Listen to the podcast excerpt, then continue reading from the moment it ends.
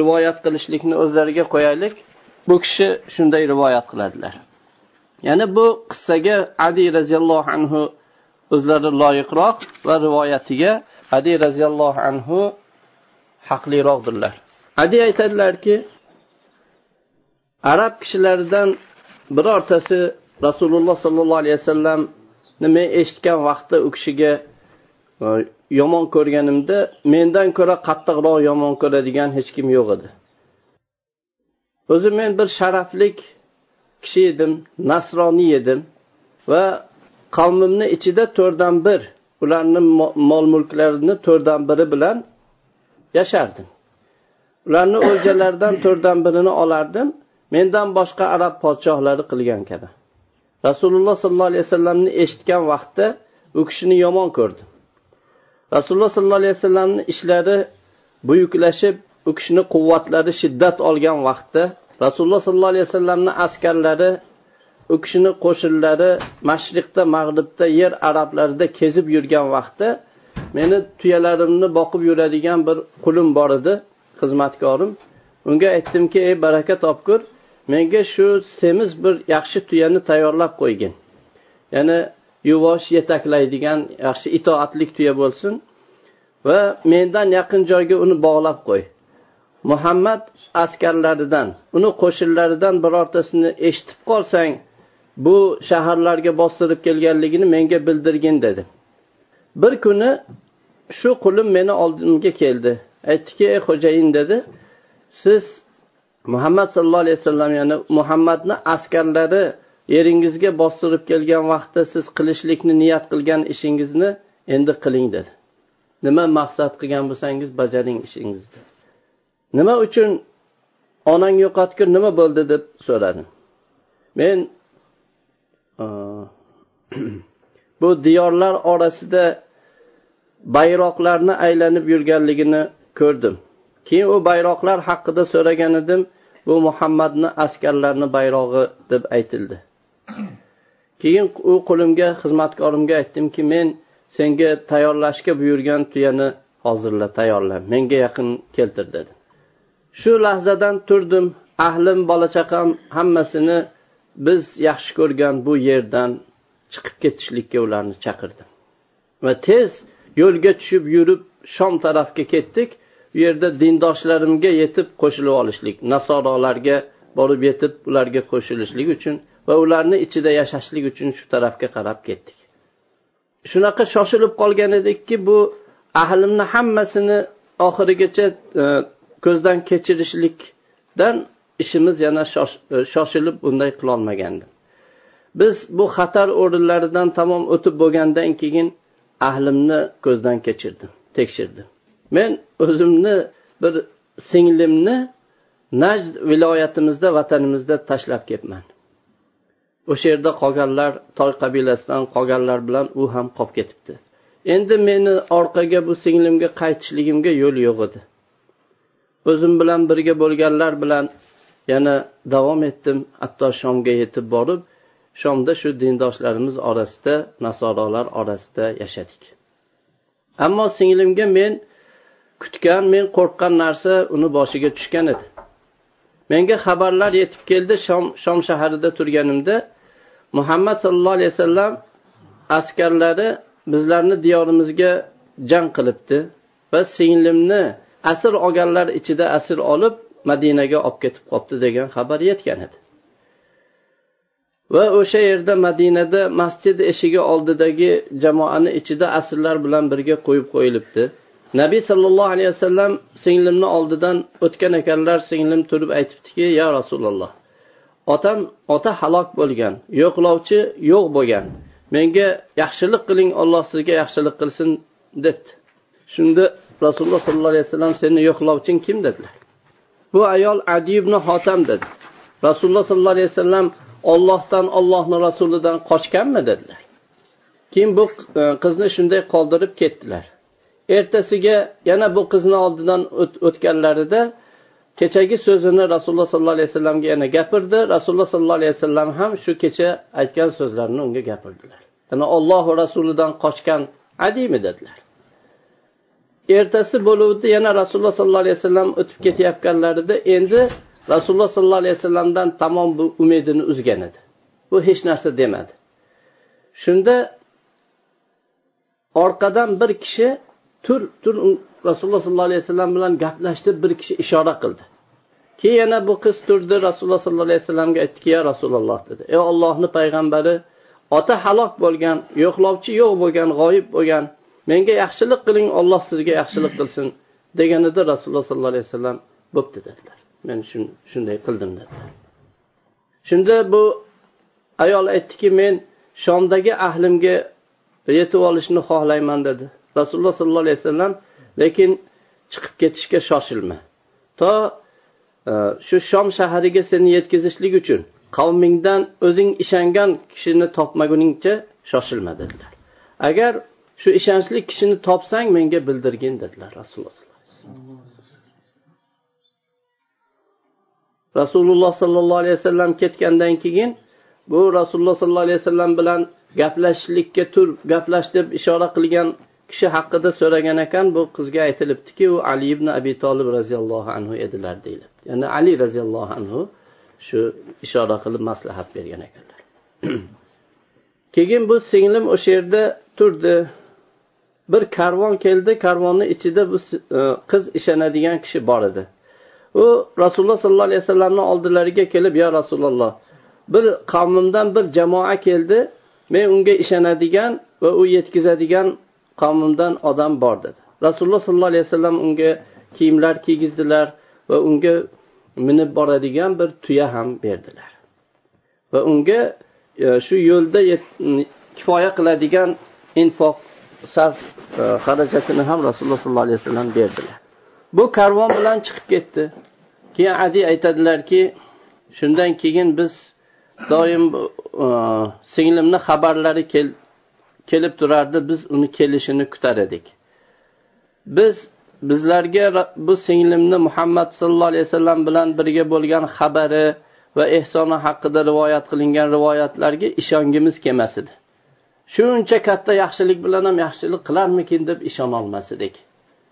Ya'ni meni qilgan u kishiga qilgan bu adovatim yomonligim e, iymondan to'sishligim shu ishlarni muqobilida bu qilingan yaxshiliklarga ishongimiz kelmasdi allohga qasamki men ahlim ichida o'tirgan edim bir ayolni shu tuya ustidagi taxtiravonida uzoqdan kelayotganligini ko'rdim. U biz tarafga qarab kelar edi. Aytdimki ibnatu xotim bu xotamni qizimikin dedim. Qarasak o'sha ekan singlim ekan. U bizni oldimizga kelib to'xtab menga shu so'zi bilan e, shoshilib shu so'zi bilan xitob qildi. Al qotiul zolim dedi. Qarindoshlikni uzadigan zolim dedi. Sen o'zingni ahlingni bola chaqangni olibsan otangdan qolganni tark qilibsan o'zingni nomusingni tashlab kelibsan dedi. Aytdimki ey singiljon menga bir yaxshi to'g'ri gap gapirgin dedim. Uni rozi qilishga harakat qildim hatto rozi bo'ldi. Va butun o'zini xabari xabarini bizga qissa qilib berdi. Uni xabari xuddi bizga yetib kelgandek to'g'ri chiqdi. Keyin bu e, singlim juda aqllik zakovatlik ehtiyotkor ayol edi. Unga aytdimki bu odam ishi haqida nima deb fikr qilasan dedim. Ya'ni muhammad sallallohu alayhi vasallam haqlarida. U aytdiki u haqida allohga qasamki tez unga borib qo'shilib olishing kerak. Agar payg'ambar bo'lsa avvalda shoshilib o'tganlarga bir fazilat bo'ladi. Haq payg'ambar bo'lsa. Agar podshoh bo'lsa payg'ambar bo'lmasa uni oldida sen xorlanmaysan shu o'sha o'shasan. Har yerda shu birovni podshohlarni oldida turgan shu shu san sanga bir narsa kamaymaydi. Adi aytadilarki men tayyorgarligimni ko'rdim keyin yo'lga tushdim. Rasululloh sollallohu alayhi vasallamni huzurlariga madinaga hech qanday amonliksiz hech qanday xat yozuvsiz kirib keldim. Menga u kishidan xabaridan yetib boruvdiki men alloh taolodan adini qo'lini meni qo'limda qilishligini umid qilaman degan ekanlar rasululloh sallallohu alayhi vasallam. Shu yetib boruvdi. U kishi masjidda edilar salom berdim assalomu alaykum. Mani rojul dedilar. Kimsan dedilar. Men adi ibn xotamman dedim. Rasululloh sollallohu alayhi vasallam menga turib qo'limdan tutdilar va meni uylariga olib ketdilar. Allohga qasamki u kishi meni uylariga olib ketar ekan yo'lda bir zaif yoshi qari bir xotin bir kampir rasululloh sollallohu alayhi vasallamga yo'liqdi uni yosh bolasi ham bor edi. Rasululloh sollallohu alayhi vasallamni to'xtatdi. To'xtatib o'zini hojati haqida rasululloh sollallohu alayhi vasallam bilan suhbat qila boshladi. Rasululloh sollallohu alayhi vasallam ham u ayol bolasi bilan birga ular bilan turdilar. Hatto ularni hojatlarini o'tadilar. Men ham bu yoqda qarab turar edi o'zimcha aytdimki bu podshoh emas dedi. Podshoh unday g'arib bu qari kampirlar yosh bolalar ularga e'tibor bermaydi. Bu podshoh emas dedi. Keyin meni qo'limdan oldilar uylariga olib ketdilar uylariga kirdik. Uylarida bir teridan qilingan ichiga xurmoni shu po'stlog'i to'ldirilgan e, yostiq bor edi uni menga berdilar bunga o'tir dedilar. Men uyaldim u kishidan uyalib siz o'tiring bunga deb qaytaruvdim. Yo'q san o'tirasan dedilar. Keyin itoat etdim o'tirdim. Nabiy sallallohu alayhi vasallam yerga o'tirdilar. Chunki boshqasi yo'q edi. Shu bir dona shu bor edi. Yerga o'tirdilar. Shunda o'zimcha aytdimki allohga qasamki bu podshohni ishi emas. Bu kishi podshoh emas dedim keyin rasululloh sollallohu alayhi vasallam menga qarab ha adi ey adi ibn hotam gapir dedilar sen rakusiy emasmiding?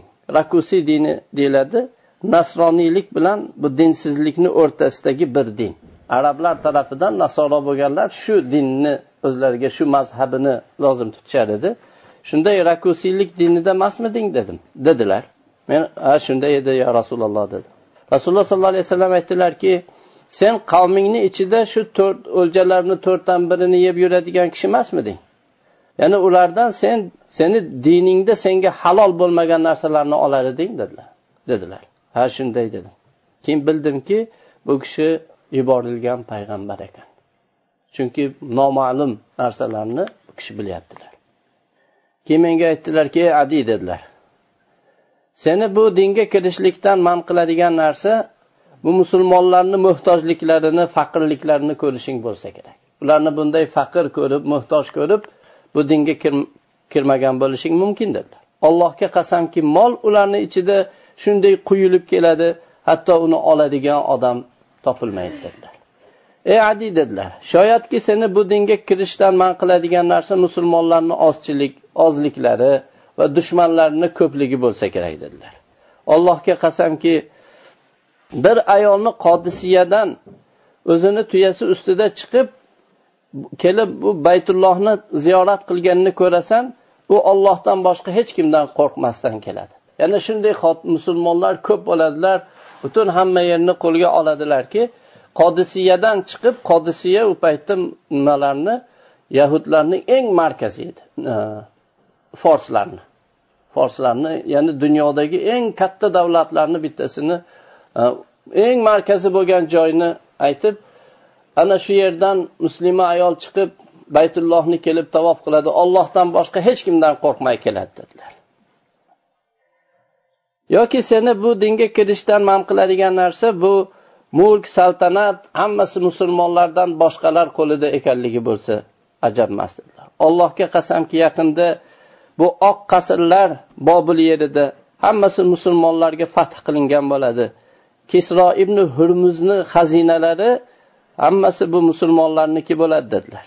Shunda aytdimki kisro ibn hurmuzni xazinalari dedim. Ya'ni bu kishi hayratga tushib rasululloh sollallohu alayhi vasallamdan shunday so'radi.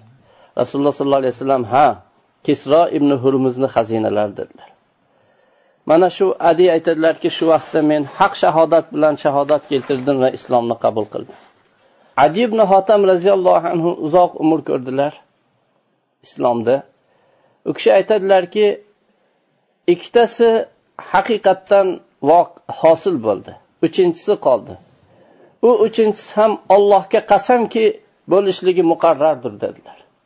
Ya'ni rasululloh sollallohu alayhi vasallam xabar bergan bu xabarlardan ikkitasi haqiqatda hayotda voqeda hosil bo'ldi bittasi ham bo'ladi deb buni qasam ichib turib aytdilar. Men ayolni qodisiyadan tuyasi ustida hech narsadan qo'rqmasdan bu baytullohga yetib kelganligini ko'rdim dedilar. O'zim buni guvohi bo'ldim dedilar. Va kesro kesroning xazinalariga g'orat qilgan askarlarni boshida men o'zim edim. Bu e, xazinalarni qo'lga olgan qo'shinlar oldida edim deydilar. Endi allohga qasamki albatta bu uchinchisi ham keladi der alloh taolo o'zini payg'ambari sollallohu alayhi vasallamni bu so'zlarini haqiqatda hosil qilishlikni olloh xohlagan edi. Bu uchinchisi zohid obid xalifa umar ibn abdul aziz davrlarida bo'ldi. Musulmonlar shunday boy bo'luvdilar. Musulmonlarga dunyo shunday quyilib kelgan edi.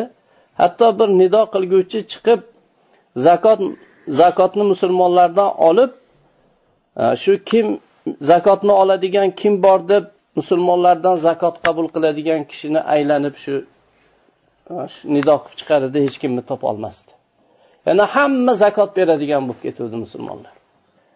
Rasululloh sollallohu alayhi vasallam rost aytgan edilar.